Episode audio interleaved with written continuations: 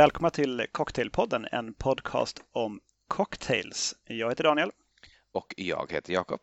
Och välkomna också till avsnitt 100, det hundrade avsnittet. Ja, det har ju varit vårt eh, arbetsnamn för detta avsnitt. Och nu är det också det officiella namnet. som mycket riktigt är det hundrade. Eh, egentligen har vi nog gjort några fler. Ja, det tror jag. Vi har en massa bonusavsnitt här och var. Eh, saker som vi av någon anledning inte tyckte var ett avsnitt, men som ändå går att ladda ner och lyssna på som ett avsnitt. Så jag, jag vet inte. Det är väl, det är väl hundra och några till, men låt detta nu vara vårt hundrade officiella avsnitt. Av de vi har räknat så är det ju avsnitt 100 i alla fall. Exakt. Och det här, här, här tänkte vi ta några, alltså en liten, en liten tripp för, ner minnesgatan om man översätter det direkt till svenska. Uh, och se, försöka komma ihåg vilka drinkar som var riktigt jävla hatten flyger av bra. Jag tror, jag tror minnenas allé är nog det ord du Så söker säger man nog på svenska, på riktigt. Uh, ja, låt så vara. Visst det var svårare faktiskt än vad jag trodde att, uh, att komma ihåg någonting överhuvudtaget. det är så många avsnitt. Alltså, när jag kollar igenom vilka avsnitt vi har gjort och så bara Fan, har vi gjort ett avsnitt om, om, om Genever redan? Jaha, vilken, vilken grej. ja, det är ett, ett mindfuck såklart. Alltså, typ att vi borde göra det här avsnittet. Ja, det gjorde vi. Eh, det är redan typ på avsnitt 20 någonstans liksom, har vi gjort det. Så att, men jag har ju en del anteckningar kvar sedan tidigare. Jag har gått igenom, jag har scrollat igenom det som finns på, på Instagram och det som inte finns på Instagram finns inte. Och det är ju en del saker vi inte har lagt upp recept på på Instagram för att ja, tiden hann ifatt oss på något vis och sen så blev det inte gjort. Mm. Eh, men då finns de ju beskrivna i avsnitten. Så det är superlätt att söka och leta. Eh, det är bara att lyssna igenom alla hundra avsnitt igen. Precis. Hur mycket, jag bara kollar igenom mitt lilla dokument där jag gör små, små, små, små liksom korta anteckningar till varje avsnitt. Eh, det är 70 sidor långt nu. Eh, så det, det, är, det är inte mer än kanske, ja men, vad kan det vara? Alltså en, en, en eh, alltså din arbets, alltså två arbetsveckor. Om du, om du bara tar två arbetsveckor så har du lyssnat igenom allting. Exakt. Och jag menar, det är säkert några som fortfarande har semester. Mm. Bara lägg, ja men lägg liksom åtta timmar om dagen. Mm, under två veckor. D där har du hela produktionen. Så det är liksom inga svårigheter, det är inga konstigheter alls, det är bara att göra. Ja, precis. Det, det är som några talböcker. Exakt. det finns inga ursäkter överhuvudtaget tycker jag. Eh, jag har, jag har gjort lite, lite kortlistor. Eh, har jag gjort.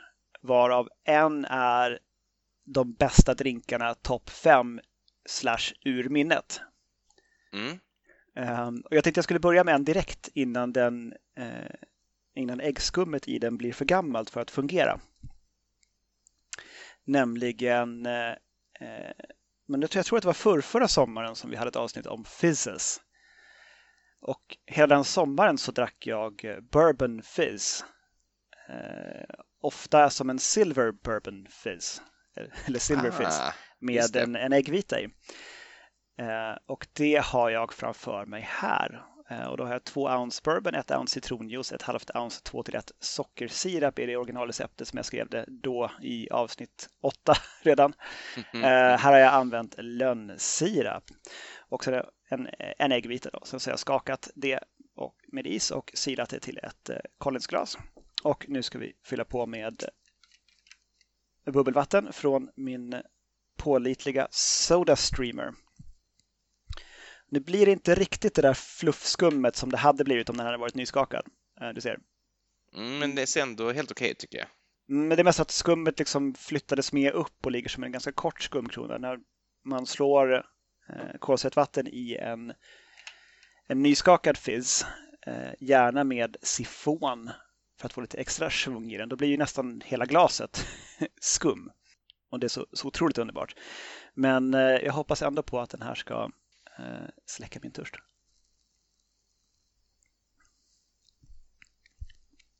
Mm. Alltså det är så, det är så fantastiskt gott. Alltså de, alla som lyssnar har ju druckit en, eh, en whisky sour. Och det här är ju en whisky sour fast med, med bubbelvatten. Som ju eh, tror jag faktiskt kan vara godare än en whisky sour med eh, mousserande vin, vilket ju låter ofattbart och också är helt emot allt jag står för. Men jag tror att det kan vara så i det här fallet, för det där är en sjuhelvetes eh, törstläckare. Ja, och den är liksom lättdrucken, det finns ingen is i glaset, eh, den är somrig, den är kanske lite för, lite för snabb tror jag vi noterade när vi gjorde FIS-avsnittet. Att mm. man, man, kan bli, man kan bli ganska aprak. Och det är ju så att eh, man, måste, man måste också vara snabb när man dricker den. Alltså mm. den blir ju flat och eh, liksom ägget sjunker ner och eh, den, den, tappar ju sin skärm ganska snabbt. Det är ju en drink som, som tarvar ett hastigt förfarande. Ja, ta det lugnt, jag håller på. Sluta hetsa. Jag gör så gott jag kan. Ja, men det är som en, på samma sätt som att en, en daiquiri dricker man snabbt innan den blir mm. liksom trött och sorgsen.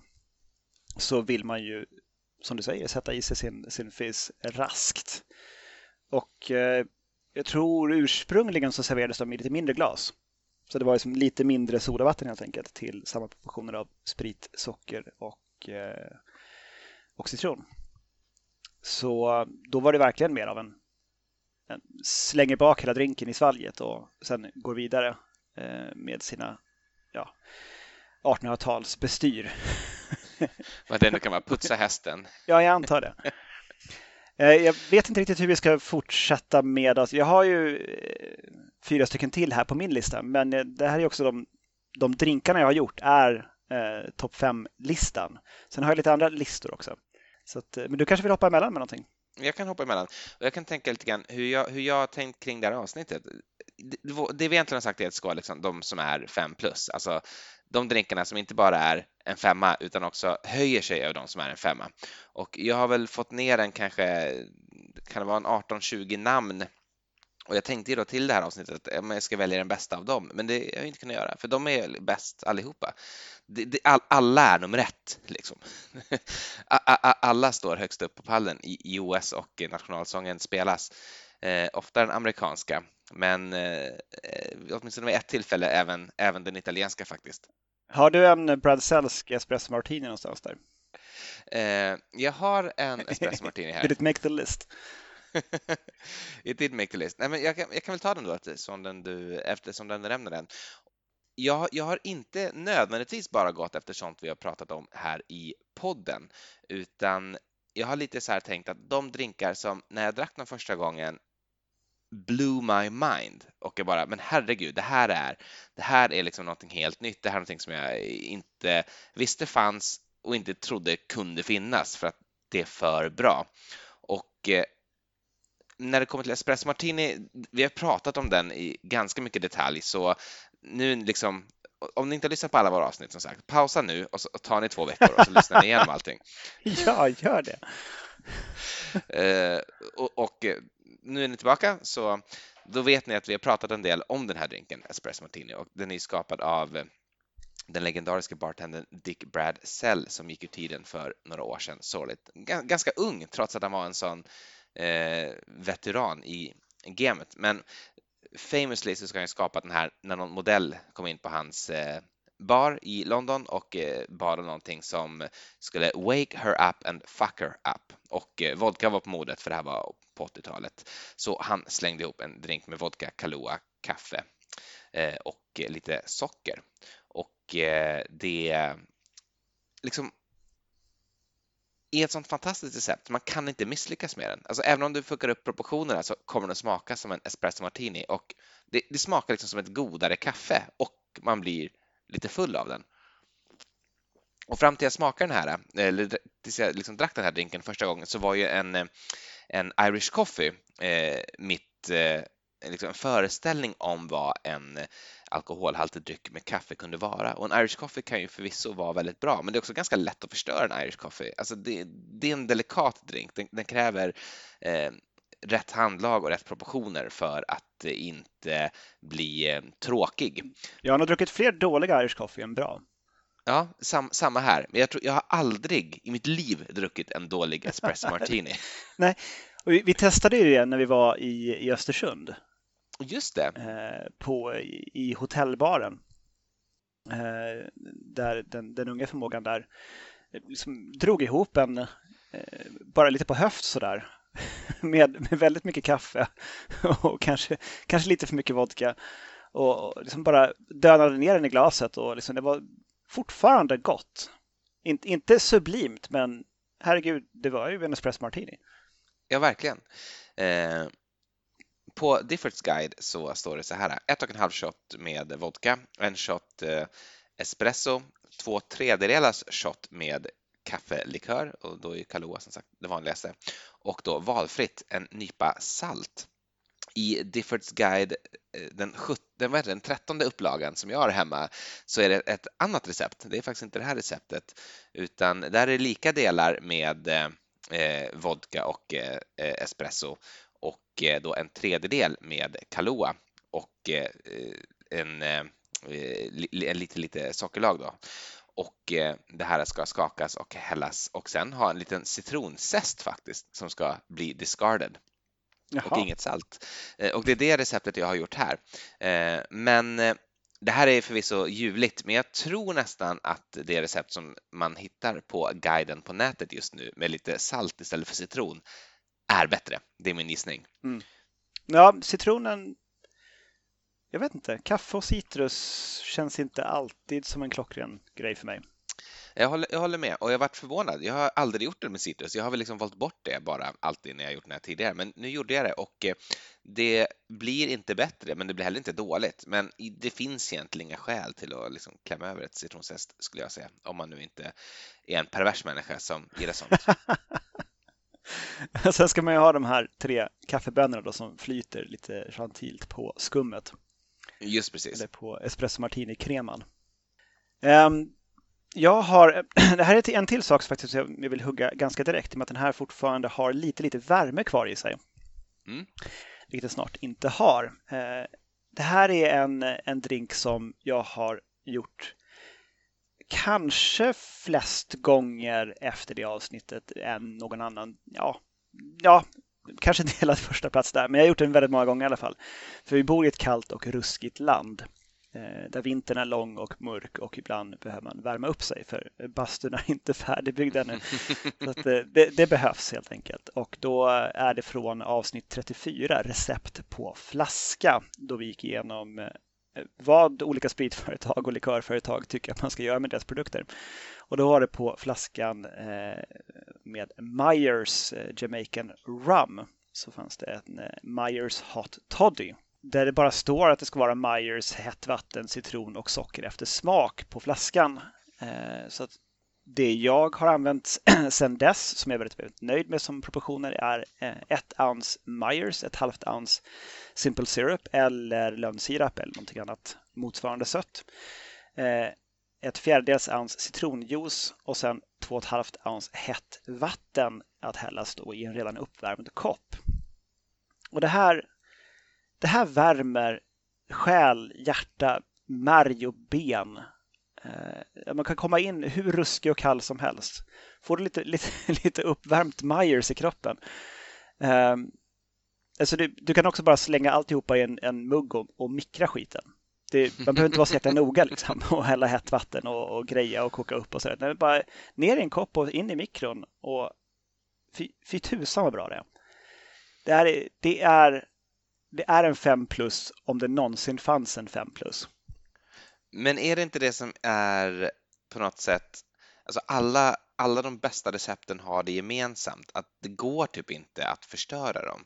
Eh, en espresso martini, eh, en, en, en bartender, en, en liksom 19-årig bartender i Östersund som aldrig har talats om den kan göra en god. Eh, Myers eh, Hot Rum, heter den så? Förlåt. Hot Toddy skrev de förresten. Hot Toddy, mm. ja. Eh, liksom släng allt i en kopp och mikra det, det, det, det blir svingott. Och det är liksom, de, de, allra bästa recepten är ju så, de, de är av den arten. Eh, det, det, blir alltid bra, det går inte att förstöra dem för att de är så starka. Mm.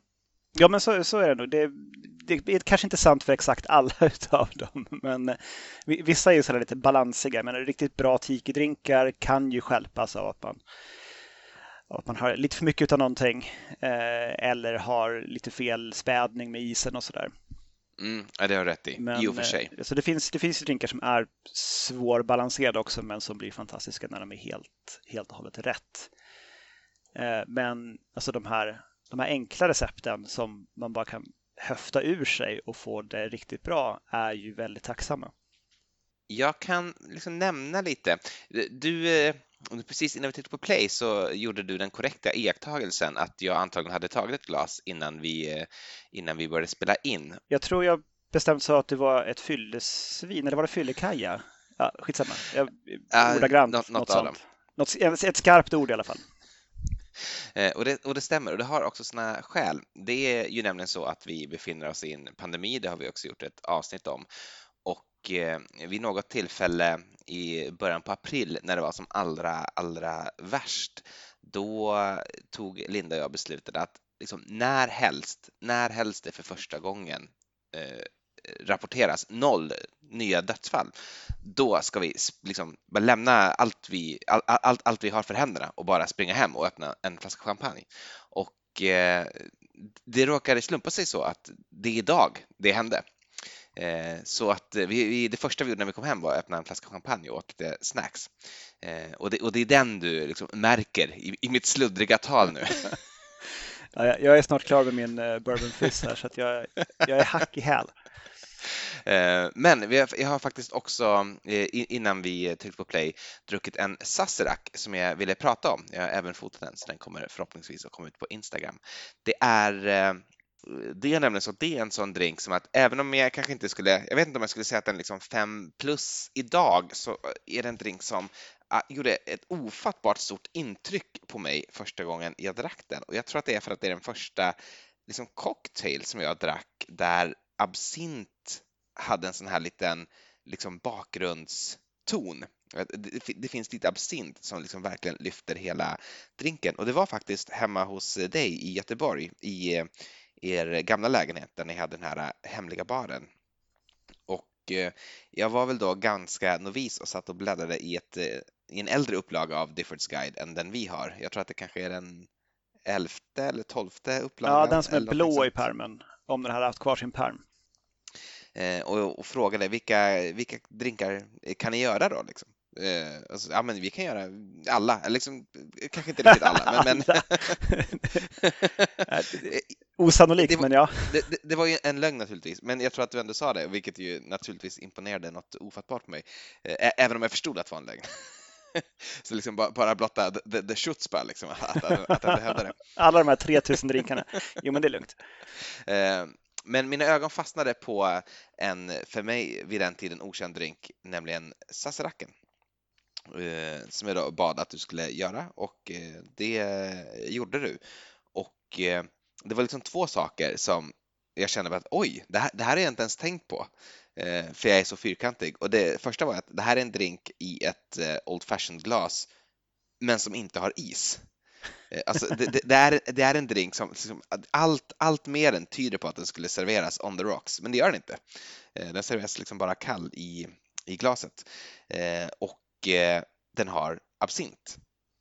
Men absinten tar inte över. Absinten liksom lyfter, lyfter allt, liksom hela, hela sammanhanget. Och jag har varit besatt av Sazeracs efter det och liksom, det var det enda jag beställde i typ ett år när jag gick ut.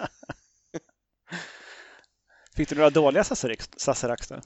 Eh, nej, det är också lite grann så att, att om man bara liksom följer receptet så är det svårt att göra en riktigt dålig. Men däremot så fick jag vid åtminstone ett, men jag tror kanske två tillfällen eh, serveringspersonal som rättade mig och sa Sarasek istället för Sazerac. Oklart varför, men det är något uppenbarligen som ligger liksom rätt i munnen för en svensk. Ja, men nu, nu är det några år sedan det där så att eh, jag tror mer osannolikt att det skulle ske idag. Ja, det, det, det stämmer nog. Eh, men, men eh, den vill jag ändå nämna. Eh, jag, jag, kan även för sakens skull bara nämna gin och tonic. Jag hade tänkt att avsluta min drinkkavalkad med en gin och tonic, men jag hann, hör och häpna, inte, inte blanda ihop någon innan det var dags att spela in, så jag har ingen sån framför mig. Men det är ju liksom den första drink som jag drack och den första liksom sak jag beställde på lokal som inte var en öl. Eh, möjligen faktiskt den första sak jag beställde på lokal överhuvudtaget efter våran då gymnasiebal som väl jag vet inte om man ska räkna det som lokal. Normalt sett så, så är det ju liksom en nattklubb, men vi hyrde den ju för att ha studentbalen på Du tänker på natt, nattklubb på, på Hotell Roslagen uppe vid OK-macken i Norrtälje? Exakt. Jag vet inte om det finns kvar, men eh, alltså det, vi tog ju studenten bara något år efter att eh, legendariska Statt hade slagit ihop eh, sina portar eh, nere i, i Norrtälje stad. Så det var lite, lite synd att vi skulle ha varit klara med gymnasiet ett år tidigare bara så hade vi fortfarande fått eh, vara nere i, eh, i de lokalerna. Vi, vi hann ju gå ut på Statt i alla fall så man får vara glad för det man eh, för det man kan få då. Men eh, innan de la ner, vill jag minnas. Hur som helst, eh, en gin och tonic, det är ju en jävla god drink och den går att variera på alla möjliga olika sätt, men den har jag inte heller. Men nu sträcker jag mig på måfå här bland mina glas och jag får en Tommys Margarita oh, herregud. i handen. Där är ett enkelt recept. Och den är, jag ska säga att det är bättre än en vanlig Margarita. Jag vet det som att svära i kyrkan, men jag, jag tycker att den är det. jag tycker också att det är en bättre än en vanlig Margarita och det här är inte vilken Tommys Margarita som helst heller, utan det här är en Tommys Margarita där hälften av agavespriten är mescal och hälften är eh, reposado tequila. Och eh, för dem då som till äventyrs inte känner till vad som gör en Margarita Tommys eh, är ju att man byter ut eh, apelsinlikören mot eh, agavesocker, agavesirap för att få en ännu agavigare smak. Och margaritas det är ju en god drink. Det är svårt att inte älska en margarita. Också för att en margarita är så förknippad med att det är superhett. För man dricker den ju antingen när det är hett ute, eller hur? Eller när man är i en liten trång källarlokal, liksom, där man äter mexikansk mat som serveras på typ gjutjärnstallrikar som är stekande heta för att de kommer direkt från ugnen och svetten bara rinner och så, och så dricker man liksom en sån kall och lite salt margarita. Så en, en margarita i sig har jag ingenting emot, men när jag första gången drack en Tommys så fattade jag, men okej, jag fattar. Det här är inte bara liksom en partydrink, det här är också kanske den bästa sourn som finns. Eh, det, det, här är det bästa sättet att dricka en sour och jag tror att jag sa någonting liknande när jag drack en Tommys Margarita i podden för ja, men kanske ett år sedan eller så, att när jag dricker den här är det som att jag liksom samtidigt blir stekande het och isande liksom kall på en gång. Alltså båda sakerna händer. Jag, bo, jag både förflyttas till en enormt het plats och jag får omedelbar svalka av den här drinken.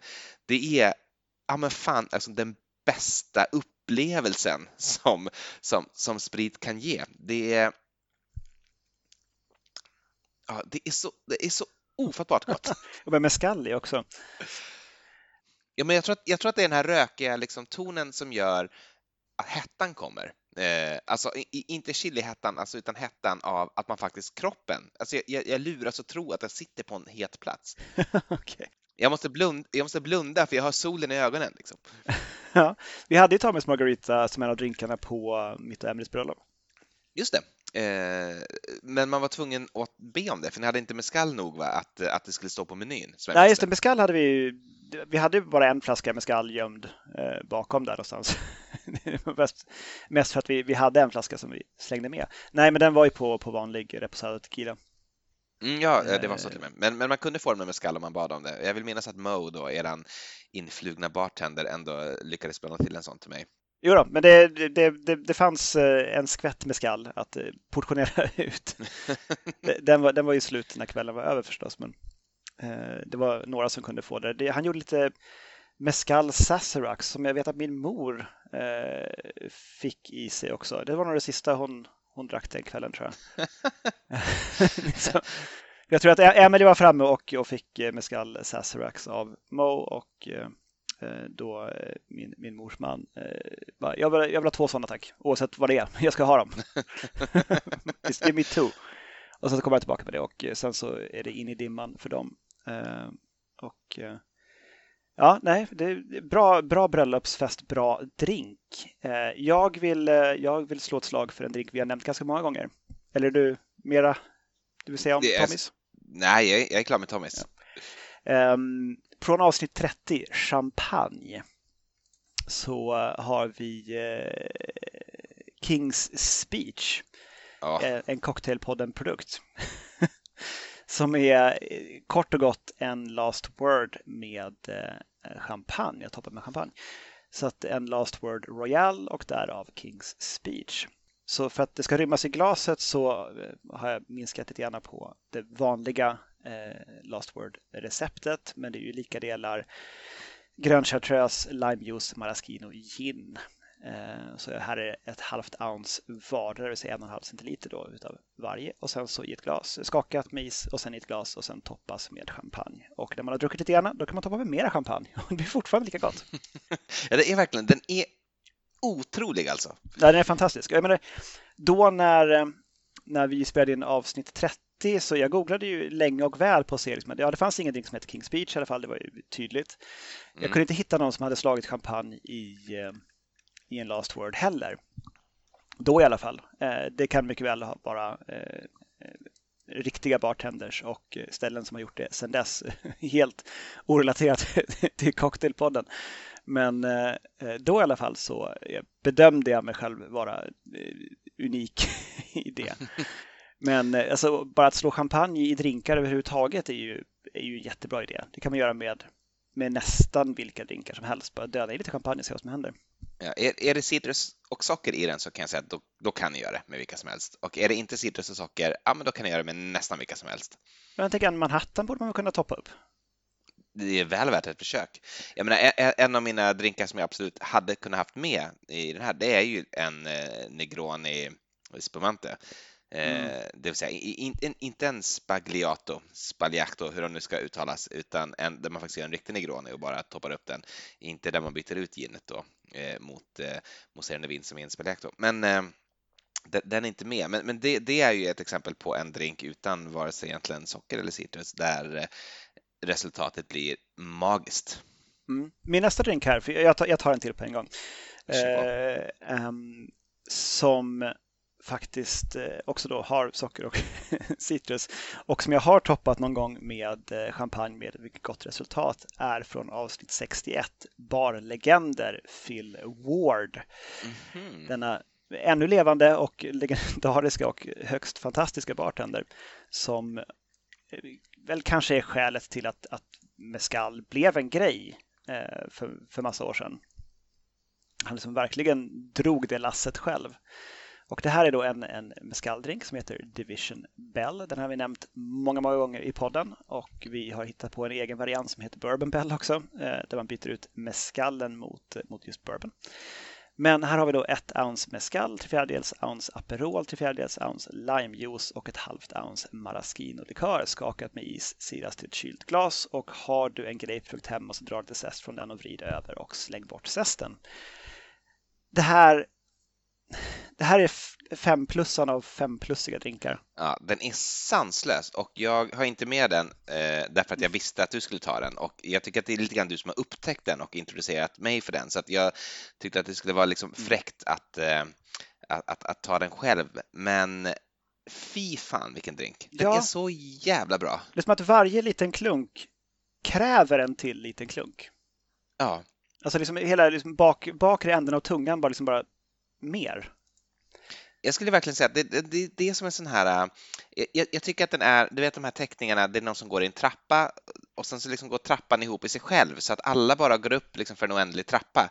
Och den här är så med smakerna, att de liksom hakar i varandra på samma sätt liksom i, en, i en oändlig spiral som gör att man kan inte sluta dricka den. Man, man måste liksom ha nästa sipp hela tiden för att eh, att den bara liksom slutar aldrig. Den bara Nej. fortsätter och Alltså, fortsätter. Otroligt välbalanserad och bäskan sitter precis, precis där den ska vara. Inte minst med lite cit- eh, grapezest som du sa. Jag tycker överhuvudtaget smakprofilen pro- påminner lite grann om en ganska bitter grapefrukt. Även om man inte har zesten på. Alltså hela grejen eh, påminner om om en väldigt, väldigt, väldigt god grapefrukt. Det är Aperolen. Eh, jag, jag kan bara nämna då att en också drink som jag hade tänkt eh, prata om är Old Cuban. Ah, eh, som jag tror jag beskrev som så god som bastuläsk var när man var barn. jag tror att du har beskrivit fler drinkar som så god som bastuläsk var när man var barn faktiskt. Jag, jag, jag, tror att det är den första, men jag, jag kan ha fel där. Men jag, jag tror det. Men, men, även om jag inte har det då, så gör jag det nu i så fall. den är så god som bastuläsk var när man var barn. Men eh, som jag nämnde för dig så öppnade vi en flaska champagne och då beslutade jag mig för att jag spar lite grann och så gör jag en Old Cuban på det sista. Men det glömde jag bort. så du bara drack upp den? Så jag, vi drack upp champagne bara, så den, den tog slut. Så jag, jag har inte gjort det. Men en Old Cuban är ju i typ en mojito toppad med champagne. Är det en, eh, en, en, en rimlig beskrivning? Ja, ja. Jag, jag, kan googla upp ett recept, det kan inte vara så svårt. Nej, det borde kunna gå att hitta. Men jo, men det är väl typ det. Alltså, eller en mintig daiquiri toppad med, eh, med skumpa. Jag går in här på Drinkoteket. Okej. Ja. det var det ja. första som dök upp, eller? Det, ja, det, det, var det. Det här kanske inte det, det kanske inte är mitt go-to-recept för Old Cuban, men det ska vara 4 centiliter mörk rom, 2 centiliter limejuice, 3 centiliter sockerlag, 2 stänk Angostura Bitters, mynta och champagne. Eh, häll ner allt utom champagnen i en shaker eh, eh, ja, skaka, sila till glas, häll på champagnen. There you have it. Mycket bra. Um, jag börjar få slut på mina drinkar som jag vill prata om, men jag har massa annat. Uh, hur ser det ut för dig, Jakob? Jag har väl, ska vi se, två drinkar och en shot kvar kan man säga. Okej, okay. men då kanske jag kan ta min sista femlista drink här och sen så kan jag hugga tag i lite andra listor in emellan dina drinkar. Yes. Det här är en drink eh, från eh, avsnitt 63, Prisvinnarna, där vi gick igenom eh, vad vi kunde hitta från olika tävlingar, cocktailtävlingar runt om i världen genom åren. Och den heter Breakfast in Martinique och är då en, en, någon slags twist på en tea punch. En tea punch är ju en vansinnigt enkel drink som också är en, upplevelse i sig och egentligen borde vara med på, på listan i sin egen rätt. Ehm, um, en tea punch är ju bara eh, agrikolrom en gnutta socker och någon eh, droppe eh, limejuice pressad över glaset. Och sen så rör man lite lojt tills en del av sockret har löst sig och så sitter man och smuttar på det utan is och utan egentligen någonting annat än ett eh, gryende hopp om framtiden. Men här har vi, här har jag liksom gått lite grann ifrån det där. För här har vi 50 milliliter, alltså 5 centiliter då, eh, lagrad agrikolrom Eh, en centiliter Falernum, 1,25 eh, eller 12,5 milliliter har de skrivit i receptet, från det originalreceptet. Så 50 milliliter lagrad kolrom, 10 milliliter Falernum, 12,5 milliliter agavesirap, 12,5 milliliter limejuice och 3 stänk Peychauds bitters. Eh, det här ska hällas i en kyld tekanna fylld med is och eh, röras och sen så ska det silas upp till en kyld tekopp och det har jag här. Och sen så lägger man en eh, isbit i den, en större isbit. Och ja, det är fantastiskt gott. Det här är skapad av en, en, en kar som heter Andreas Giapakras, Giaprakas från Thessaloniki för en tävling som heter T-Punch Cup. Men det är kul också att man får göra det i en tekanna. Liksom. Ja, ja det är det. Jag har en sån en gjutjärns tekanna, sån här liten, du vet, som man kan köpa i eh, asiatiska matbutiker typ. Just det. Eh, att röra i och eh, kyler man den innan bara så är det perfekt. För att är den rumstempererad så tar den ganska mycket av isens energi och så får man lite för mycket spädning. Hur som helst, det var, det var mina drinkar för dagen, men jag har mycket annat jag vill, jag vill prata om som jag har hittat. Jag tror inte vi kommer hinna prata om allting så att vi får väl liksom i avsnitt 200, det 200 avsnittet, ta, ta vid där vi slutar nu. Men, eh, eller det vi inte är med. Jag, jag, eh, jag, jag vill också nämna då eh, en drink som Linda då gjorde i, i samband med att vi åt vår middag idag. Jag gjorde en Sazerac som jag nämnde. Hon gjorde en, en eh, som är en av hennes femplussare som jag också tycker mycket om, men som framför allt hon har blivit extremt förtjust i och det är Morgenthalers Amaretto Sour. Jag håller helt med. Och vansinnigt mycket bättre än en, en vanlig standard eh, Amaretto Sour. Eh, verkligen, alltså en Amaretto Sour är ju inget speciellt. Det är inte en dålig drink i sig. Den har ett rykte om sig att vara eh, usel. Jag, lite svårt att förstå varför, men eh, liksom, det, det, är en drink som åtminstone historiskt bartenders med lite så här klass inte har velat göra eh, därför att det liksom är eh, beneath them. Eh, men en Morgenthaler måste ju alla rimligen vilja göra därför att det är ju Ja, men det är verkligen en, en otrolig drink och eh, den ska ha en och en halv shot med eh, amaretto, en shot med bourbon whisky, en shot med citronjuice och då frivilligt vill jag säga en halv shot med äggvita och det här ska skakas och om man har äggvita kan man ju göra en dry shake innan eh, eller bara skaka som en jävla galning. Eh. jo, så är det. Eh, och sen cider här då till ett isfyllt rocksglas.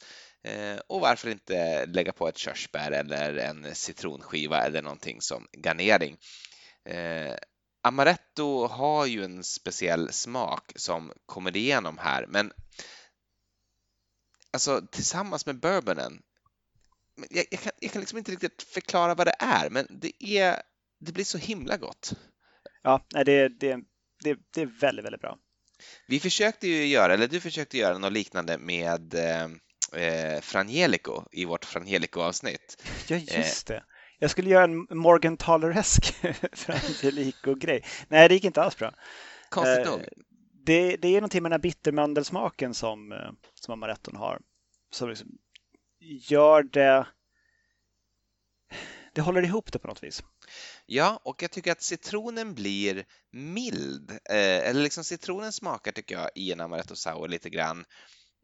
Och det tror, jag tror att det har att göra med just det, att den liksom av, alltså skärpan från citronen försvinner. Och I en fisk så kan ju citronen vara skarp och frisk, men tycker i amaretto sour så är den mera, alltså den, den är mjuk och liksom eh, ler mot den på ett annat sätt. och, och, och, jag uppskattar verkligen båda. Det, det, är inte så att jag försöker då säga att det ena är bättre än det andra. Men, den är ju amaretton så otroligt söt också. Så att den, mm. den slår ju ner allt motstånd som citronen skulle kunna uppbåda. Den gör väl det. Men hur som helst, det var en, egentligen bara en liten, en, en, att jag ville få in det. Det jag tänkte eh, prata om egentligen är La Vida Buena som jag tror är den enda av mina drinkar idag som inte är allmänt känd. Eh, den sista jag har är inte fullt lika känd som vare sig Espresso Martini eller Tommys Margarita, men kanske något lite mer känd än La Vida Buena. Och eh, La Vida Buena, den har vi hämtat ifrån boken Finding Mezcal, A Journey into the Liquid Soul of Mexico, eh, som ju egentligen är lite av en reklambok för eh, eh Del Maguey, men otroligt intressant. Alla liksom. Ja, otroligt intressant historia om det här eh, företaget och de liksom, små byar som gör mescal för det. Eh, och det slutar också med en lista på cocktails där då bland annat den här La Vida Buena finns med. Och eh, ja, den har blivit en stapelvara här hemma och det är liksom alltid så att när vi ska göra någonting extra gott, när vi, när vi verkligen, när vi verkligen vill ha någonting Alltså det duger inte med vad fan som helst. Det är lite pill, men vi, vi, vi, vi, måste liksom, vi måste leva vårt bästa liv. Då gör vi en La Vida Buena. Så har det varit det senaste året. Och eh, den innehåller ett och ett halvt ounce med mescal. Eh, förslagsvis då från Del Maguey. Även om den här faktiskt inte är gjord på mescal från detta eh, märke, utan från Brujo. Eh, men eh, som sagt, 1,5 ounce med skall, 3 fjärdedels ounce med Carpano Antica Formula, eh, 3 fjärdedels ounce med Aperol, 3 stänk av eh, apelsinbitters och det här ska röras och hällas i ett isfyllt rocksglas och sedan garneras med ett apelsinzest. Och den här är ju på något sätt en sorts, liksom, eh, vad ska man säga, den, den, är, en, den är kusin till både en Negroni och till en eh, eh, eh, Division Bell. Den liksom binder ihop de här två drinkarna, varav båda är liksom femplussare för mig. Och det här, deras lilla kärleksbarn blir också en femplussare, om ta med tusan inte en full sexa. Vansinnigt. Med skallen då? jo, det är jättegott. Det är så, både synd och rimligt att det är så jävla dyrt. Ja, det är det. Det är väldigt så. Det, det gör ont att köpa en flaska. Och även billig mescal är ju ändå dyr. Ja, men alltså den billiga, det är den jag använder nu till Division Bell, den som finns på Systembolaget, den som heter TIR. Mm. T-I-E-R. Eh, den tycker jag gör ett fullgott jobb för, för mina behov. Och vi köpte ju nu då, som, eller som jag sa att jag använder Brujo, den har jag faktiskt varit och hämtat ut idag, jag har varit och beställt den, för jag, den är typ en hundring billigare än eh, vad eh, Delma Gays Vida är. Och tänkte, men är den liksom bra så kanske man kan ha den istället då, det är ändå en hundring. Eh, och de har också massa andra de, de jobbar lite grann på samma sätt, att de liksom producerar ingenting själv. Det finns liksom ingen producent som är Brujo, utan de, de har kontrakt med mm. sådana små mescaleros runt om i byarna i Oaxaca, eh, precis som, som Delma Gay har då. Men eh, Eh, jag kan inte riktigt lämna något utlåtande än ifall jag tycker att den liksom matchar eh, Delma Gay, men eh, drinken i alla fall som jag har gjort med Brujo är fantastisk, så eh, gott hopp om att den ska kunna vara en något billigare variant för den som, som inte vill lägga 600 spänn på flaska utan tycker att 500 är helt klart eh, liksom ett, ett det, det, det, är tillräckligt mycket utan att man behöver känna sig snål. Ja, det här. Jag, jag har en, eh, en lista på topp tre vansinnigast mm. eh, som jag hittade i, i, mina, i mina, mitt sökande i vad vi har gjort. Eh, nummer ett på listan är, jag tar, tar från tvärtom, vi tar från nummer tre på listan. Kulturnatten 1996 från avsnitt 83, Ungdomssynder, eh, som är baserat på en berättelse om när jag var på Kulturnatt just 1996 i Uppsala och eh, drack eh, Finlandia 60 i vodka tillsammans med turkisk pepparessens ur en McDonalds pappersmugg eh, och sen mådde väldigt, väldigt dåligt. Ehm, så jag återskapade den i det avsnittet och upplevde den på ungefär samma sätt. Alltså det kalla kårar och, och liksom eh, svettningar och hemskheter. Men då ett, ett halvt ounce turkisk pepparessens eh, som finns att köpa i välsorterade essensbutiker. Eh, sen fyra ounce vodka Eh, Finlandia 60-procentig eh, om sådan finns att tillgå. Eh, fruktansvärt. Men jag gjorde också i samma avsnitt en Kulturnatta 2019 eh, som innehöll två ounce vodka, tredjedels ounce eh, råsockersirap 2 till 1, ett fjärdedels ounce turkisk sockersirap, eh, 2 till 1 också, och sen tre fjärdedels ounce citronjuice. Och den i sin tur blev ganska bra. Alltså en, en, en vodka sour med en svag touch utav eh, turkisk peppar lakrits. Så den var god. Så att det blev upprättelse för Kulturnatta 96. Men fy fan vad... Alltså det, det sitter kvar alltså. Det, och det är ändå jättemånga år sedan som det där lidandet liksom kom tillbaka upp till ytan. Och nu när jag tänker på det också, det är fruktansvärt. Eh, nummer två på listan, eh, som eh, du är bekant med, Jakob, är från eh, avsnitt 93, eh, Två dåliga drinkar av del 4. Åh oh, nej, ja. Eh, Smokers Cough. Eh, som var 5 centiliter Jägermeister och två teskedar industriproducerad majonnäs av sämsta sort. Eh, som man helt enkelt lägger rumstempererad Jäger i ett shotsglas och eh, klickar på lite majonnäs. Ja, den drinken, jag vet inte om jag ska säga att den gjorde oss lite ovänner, men jag, jag, jag kände alltså lite av en så här livskris. jag tycker alltså, att, att inte få en livskris av att ställas inför, eh, inför situationen att man måste dricka en Smokers Cough, då ska man nog faktiskt fundera över sitt liv lite grann. Man kanske borde skaffa sig en livskris om man inte får en livskris av det. Fruktansvärt. Det var, verkligen fruktansvärt. Och liksom bara, men alltså vem kommer på något sånt här och varför? Jag var så ledsen att världen var så hemsk. Ja, precis. Och det var ändå innan pandemin. Ja. det, jag, jag, hemskt. Uh, nummer ett på listan är från avsnitt 67, Midsommar. Um, och det är silljärn.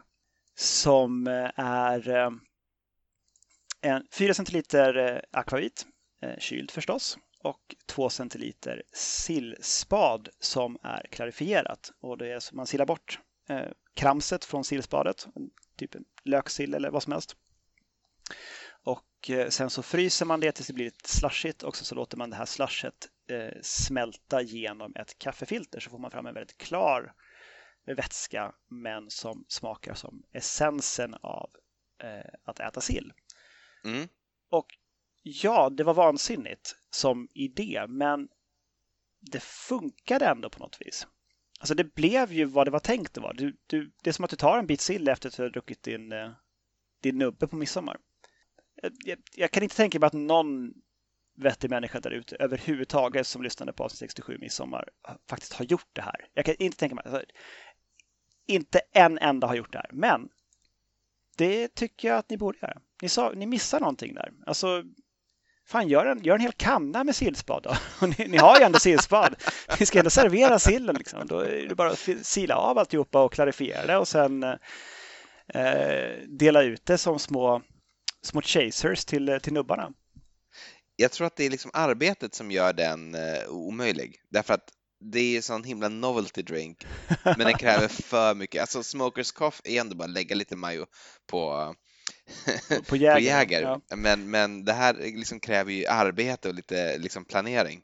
Du kan ha en poäng där, men eh, det är också bara midsommar en gång om året. Ja, det har ju såklart alltid rätt. Eh, ska, jag, ska jag säga min sista drink? Eh, det kan du göra. Jag har li lite mera kvar faktiskt som jag vill, vill prata om också. Ja, ja, jag har en shot sen också så att, eh, så att det finns. Mycket bra. Eh, och då är det en drink, jag säga, kärt barn har många namn brukar man säga och eh, den här har jag inte sett på lokal under detta namn eh, som är Moonshine Martini, men jag har sett den på lokal under namnet både Tuxedo och eh, Improved Gin Cocktail. Eh, och att någonting är improved, Daniel, vad är det för någonting?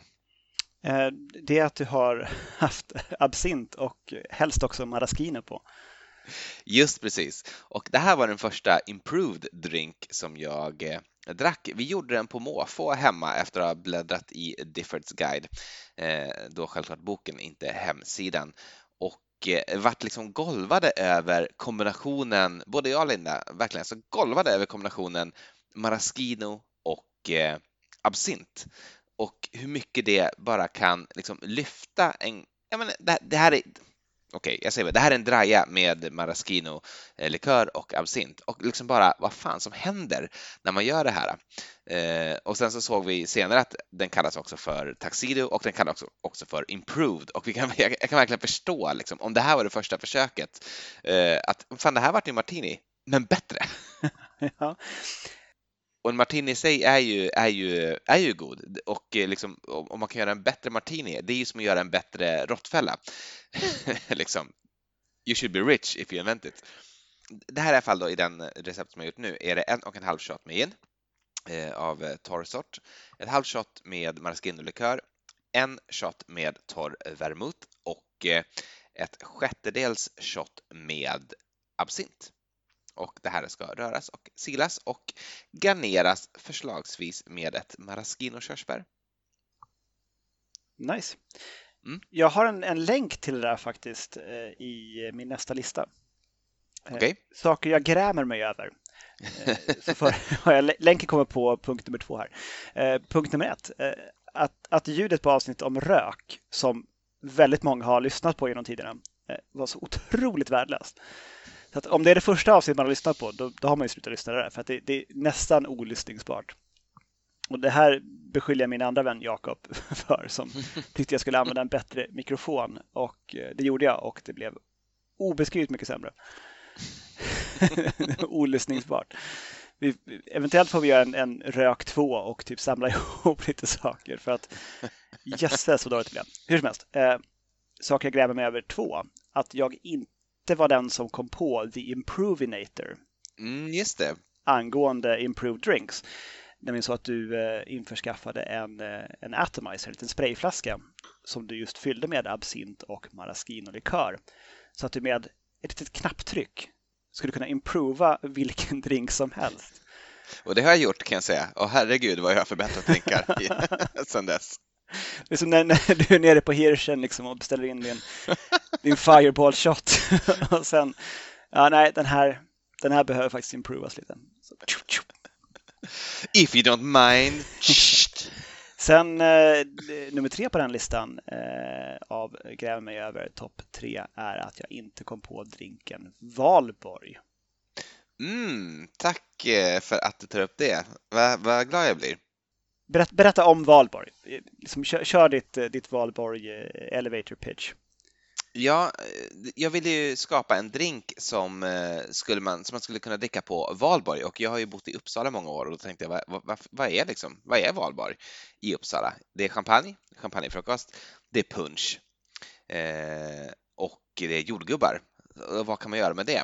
Eh, Eh, vad, vad, gjorde jag med det då? Jo, jag blandade Tequila Rose som var den enda jordgubbslikör som fanns tillsammans med punch. Behövde lite syra också och hade, hade en skvätt citron. Skakade det här, hällde i ett kopglas och fyllde på med champagne och herregud vad resultatet överträffade mina förväntningar. Det är en sån sjuk drink. Den är så sjukt god och också det är som att dricka ett moln. Eh, man måste liksom göra det för att förstå det. Och vi har ju haft några skeptiker. Vi, vi tjatade ju om den här drinken ett tag och eh, ett par personer hörde av sig och Eh, berättade att nej men det här det är klart det inte funkar. Men du kan inte ha, du kan, du kan inte ha, alltså för första Tequila Rose, vad är det för skräp? det, det, är nummer ett. Alltså det är alltså mer, mer svårsålt än silljärn. Ja, eh, men, men vi, har liksom fått folk att pröva det och alla har sagt samma sak. Jag, jag var ju själv skeptiker och mm. nej, helt blown away. Det där det är en femplussare och det är inte bara smaken och doften utan det är också ljudet av den. Alltså mm. om man, om man liksom tappar lite grann på, på kupglaset när man har en Valborg i där så låter det annorlunda än någonting annat. Det är som ett, ett kloppande ljud.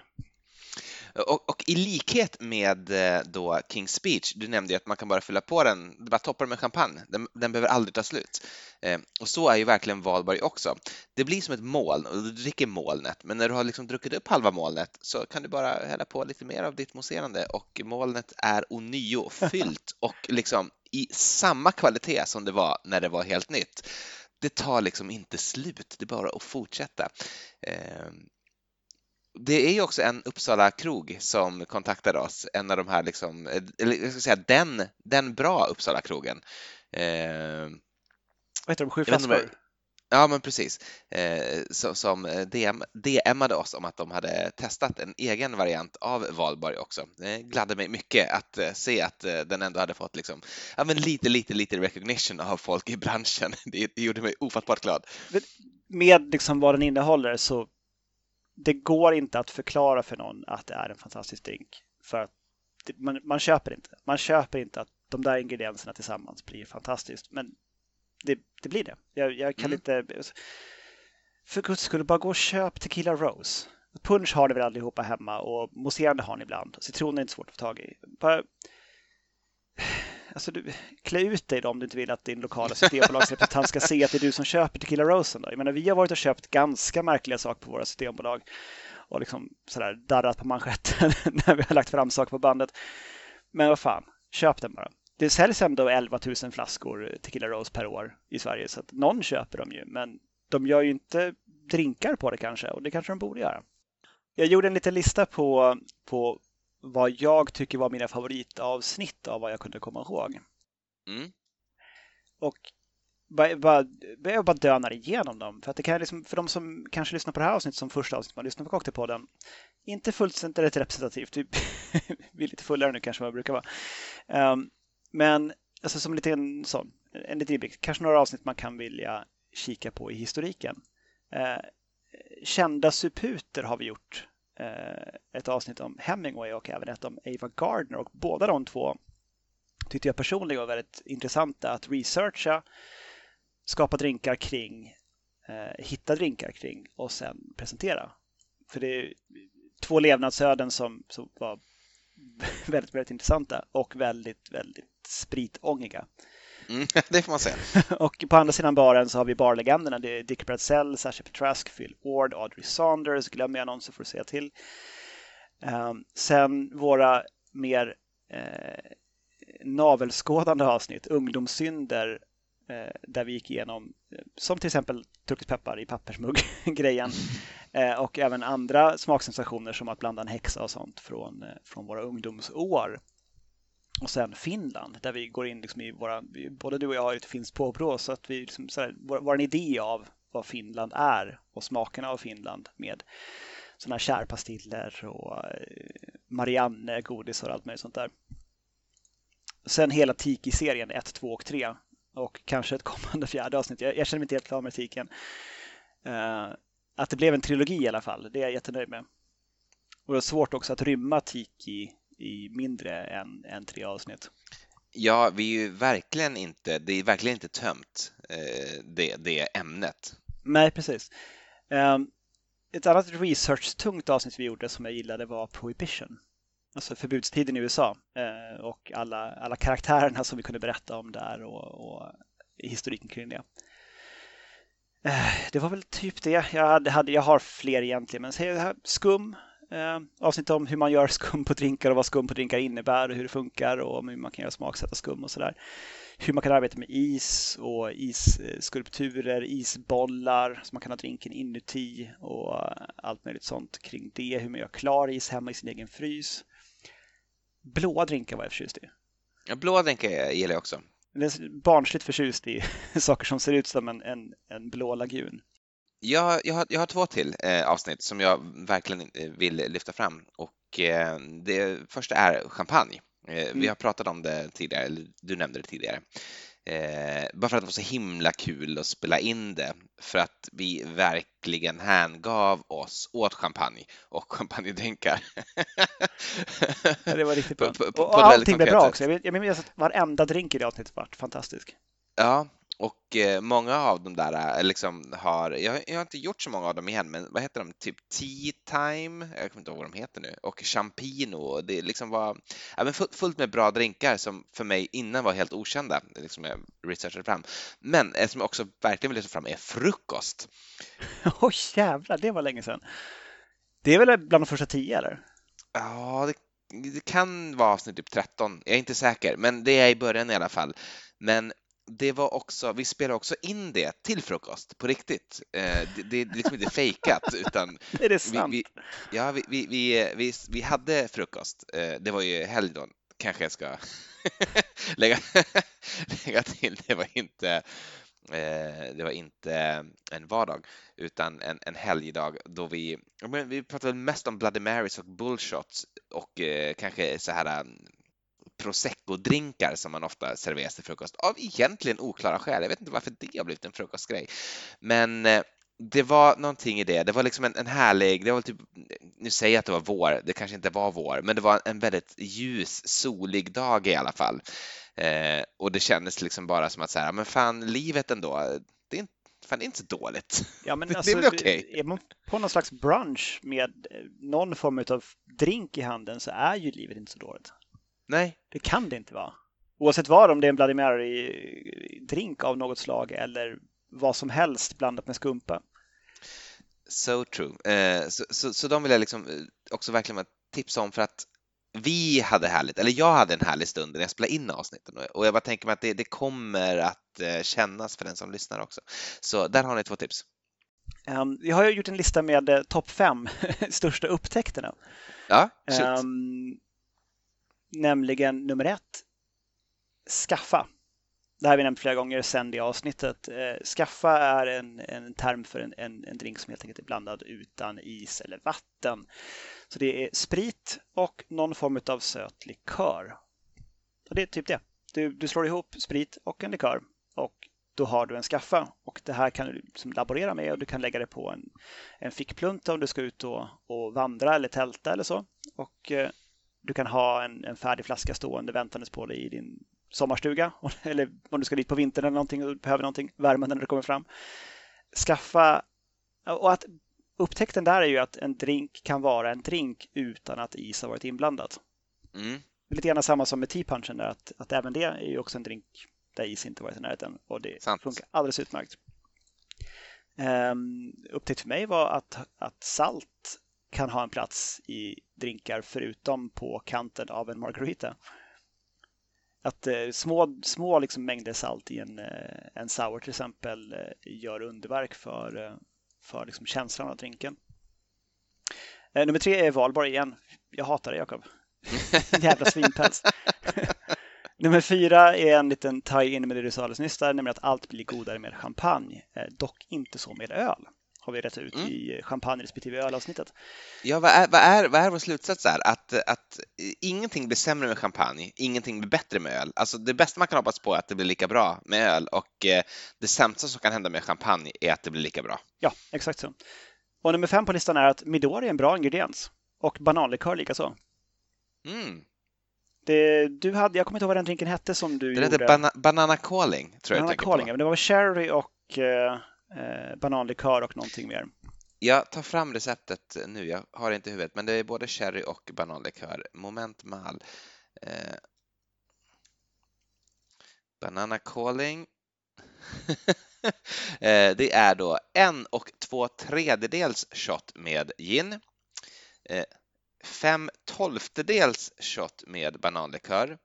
En tredjedels shot med sherry och då säger de att det ska vara fino sherry, det vill säga eh, den här liksom ljusaste, mest eh, liksom spröda sorten som inte har oxiderat. Eh, fem sjättedels shot med citronjuice och en tredjedels shot med socker. Och det här ska väl då rimligen skakas och silas till ett Nick några glas.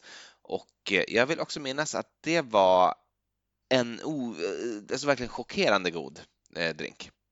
Som inte alls liksom smakade bananlikörig utan ja, men bara gott. Då ska det också tilläggas att vi, både du och jag har jobbat eh, med, med eh, bollsbanan av sämsta sort. Jag vet att det finns andra bananlikörer tillgängliga på Systembolaget eh, som eh, bland annat våra lyssnare har talat sig varma om och också eh, tyckte att bollsbanan... Vi har fått kommentarer om bollsbanan som inte alltid har varit eh, positiva och eh, må, måste vara, jag har inte provat den här, eh, eh, är det Giffard? Gi- Gifford är den de rekommenderar på G- Diffords guide, men det är ju, eh, jag vet inte, är det så här, det finns någon grön pisang, alltså någon grön bananlikör och sådär också, på gröna bananer, ja, jag vet inte, Ja. vem gillar gröna bananer å andra sidan? Exakt. Men eh, alltså, jag, jag har mer, men vi, vi, är, vi är klockar in strax över en timme nu så jag, jag känner mig ändå ganska nöjd. Eh, jag har en fråga till våra lyssnare och du har en shot. Eh, jag har också en liten shot. Mm, kanske ska ta min fråga till lyssnarna och sen ta våra shots. yes. Eh, min fråga till alla er som lyssnar är varför är julavsnittet så jävla populärt? Alltså året runt så är det det mest lyssnade avsnittet vi har är julavsnittet från vadå, julen 2019? 19, 18? ja. Nej, 2018 måste det vara. 2018 ja, det är redan. Ja. Alltid, alltid högst lyssningar på detta avsnitt. Jag förstår inte. Kan någon förklara, om- som liksom har klickat precis på det, men vänta, jul, det vill jag lyssna på. I typ i april. Jag, jag förstår inte. Jag, jag, jag, kan någon höra av sig? Varför valde du att lyssna på, på julavsnittet? Ehm, jag vet inte. Ehm, min, min shot är en, eh, en, en stadig dos med, eh, med Fernet Branca. Mm, bra. Bra val. Eh, jag har också en väldigt örtig historia, nämligen chartreuse av grön sort.